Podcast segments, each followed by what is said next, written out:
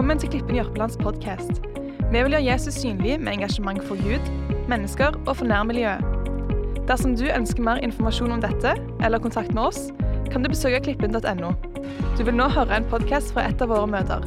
God fornøyelse.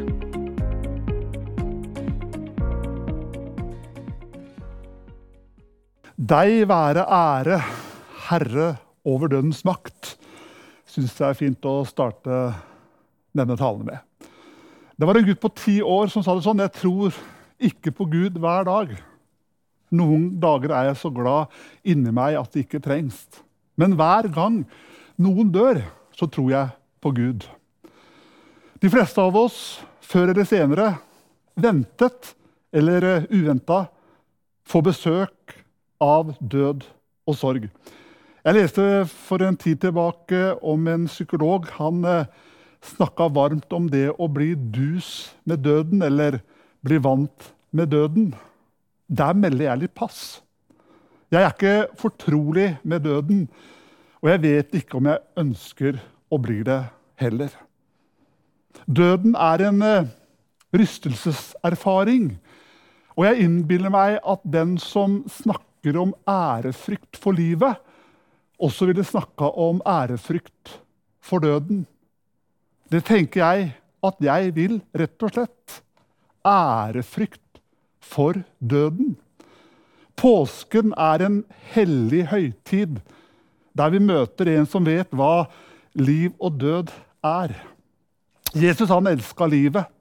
Han kjempa mot sykdom og lidelse og seiret over døden for at vi ikke skulle være overgitt til død og intethet. Og Det er derfor i denne gudstjenesten i dag vi skal være med å synge for slutten Deg være ære, Herre over dødens makt. Første påskedag så sier vi ikke 'så lenge det er liv, er det håp'. For vi vet hvor skjørt og sårbart livet er. Vi lærer hverandre å si en setning med større kraft og videre perspektiv. Så lenge det er håp, er det liv. Kristus er oppstanden. Ja, han er sannelig oppstanden. I dagens tekst, som vi skal lese sammen, står det Johannes evangeliet kapittel 8, eller kapittel 20, og fra vers 1 til og med 8. Og vi leser. Tidlig om morgenen den første dagen i uken mens det ennå er mørkt, så kommer Maria Magdalena til graven. Da ser hun at steinen foran graven er tatt bort. Hun løper av sted og kommer til Simon Peter og den andre disippelen, han som hadde Jesus kjær. Og hun sier, 'De har tatt Herren bort fra graven, og vi vet ikke hvor de har lagt ham.' Da dro Peter og den andre disippelen ut og kom til graven. De løp sammen, men den andre disippelen løp fortere enn Peter og kom først. Han bøyde seg fram og så linklærne ligge der, men gikk ikke inn i graven. Simon Peter kom nå etter, og han gikk inn. Han så linklærne som lå der, og tørkleet som Jesus hadde hatt over hodet. Det lå ikke sammen med likklærne, men sammenrullet på et sted for seg selv. Da gikk den andre disippelen også inn, han som var kommet først til graven. Han så og trodde. Maria fra den eh, vakre byen Magdala hadde nok hatt eh, mye triveligere og gladere dager enn den påskemorgen vi akkurat leste om her i Jerusalem. Tidlig om morgenen mens det ennå var mørkt, kom hun til graven. Hun oppdaget at steinen foran graven var tatt bort. Og dermed så gjenså kun et tomt, trangt hull fylt av hennes sorg, av hennes bekymring og angst.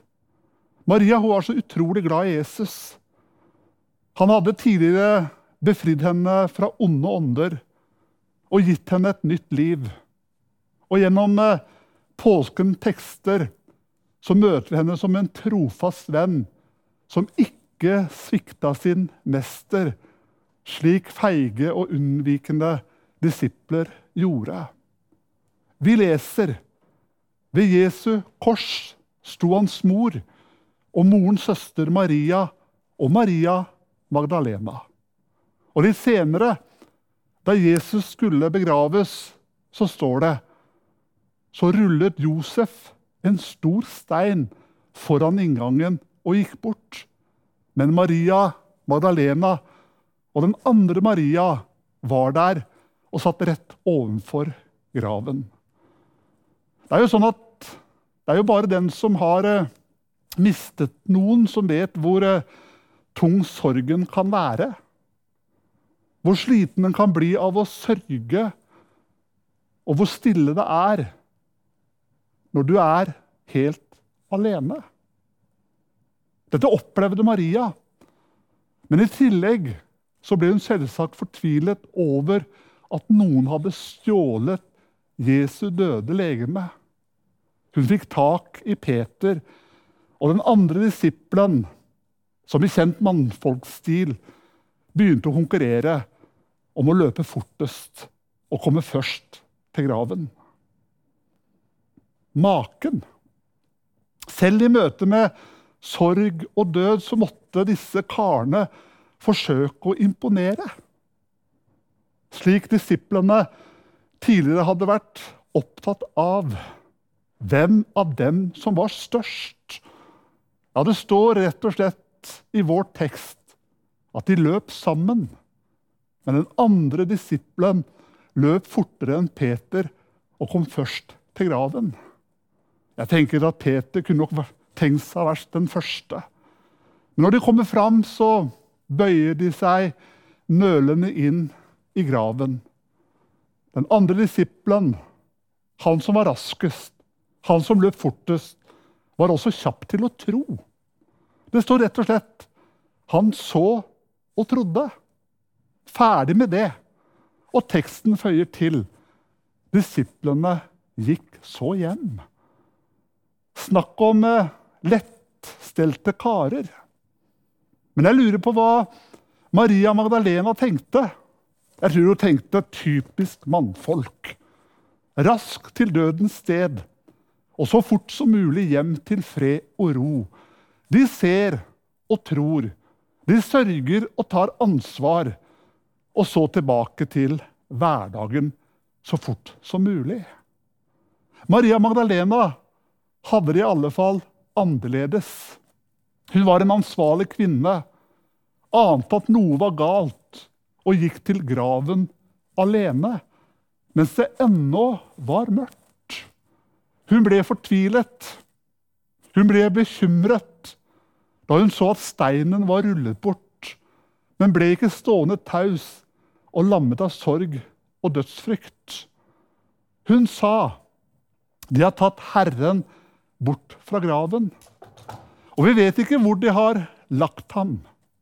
Hun, la, hun løp da av sted, ikke for å konkurrere, men for å mobilisere et fellesskap. Hun, hun eh, trengte noen å dele sorgen med.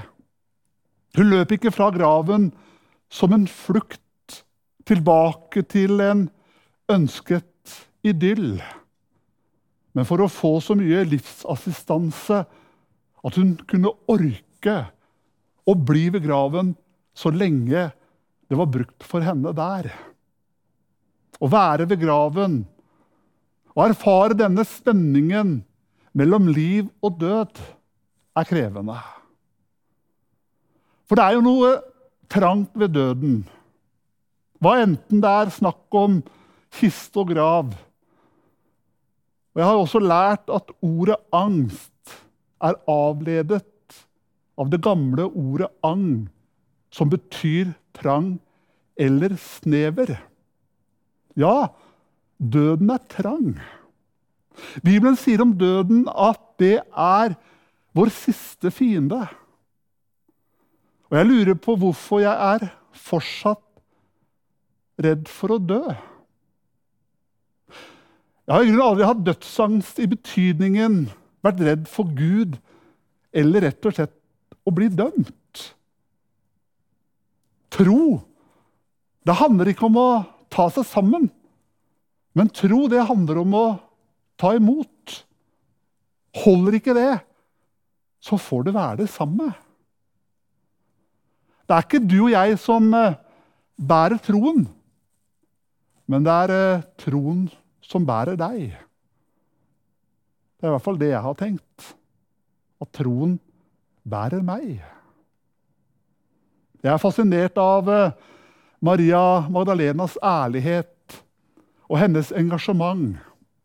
Hun forble ikke alene med sin sorg og engstelse, men vedkjente seg den og involverte et bærekraftig fellesskap.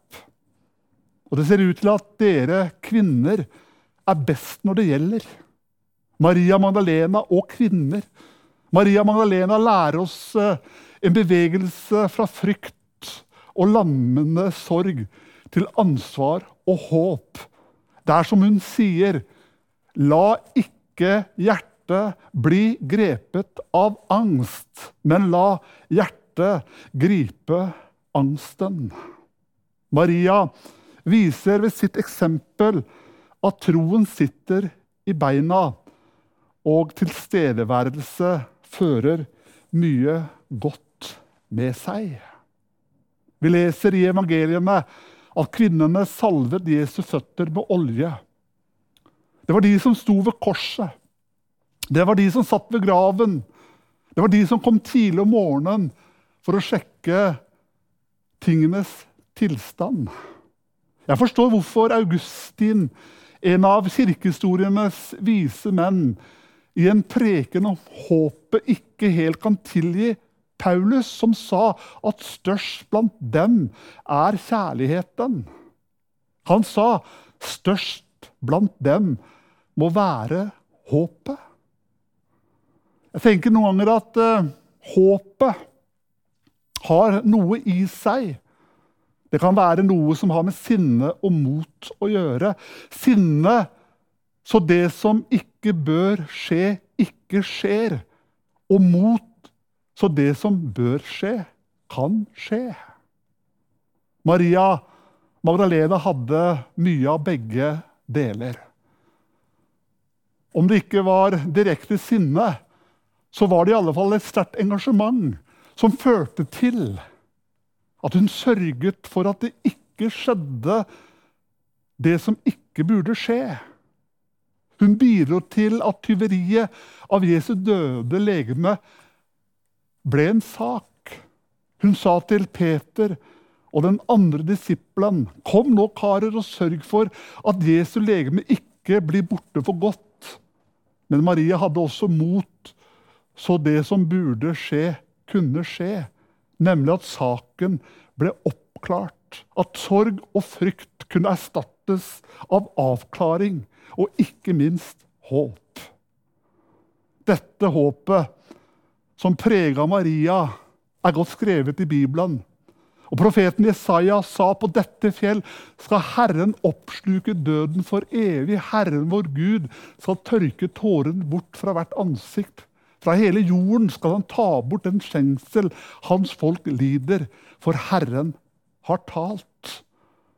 Og Det er dette også håpskilden for den tyske teolog, teologen og motsatsmannen Dietrich Bonhoffer som ble henrett på ordre fra Himmler 9.4 i 1945. Før påske 1944 så skrev han til en svært god venn følgende Å leve på oppstandelsen er det påske betyr. Og det er nettopp det du og jeg også gjør. Å leve på oppstandelsen er det påske betyr. At vi skal leve om vi enn dør. At Jesu oppstandelse er din og min oppstandelse. At størst av alt er livet, og størst blant dem er håpet. Hva om du ga denne oppstandelsestroen en sjanse?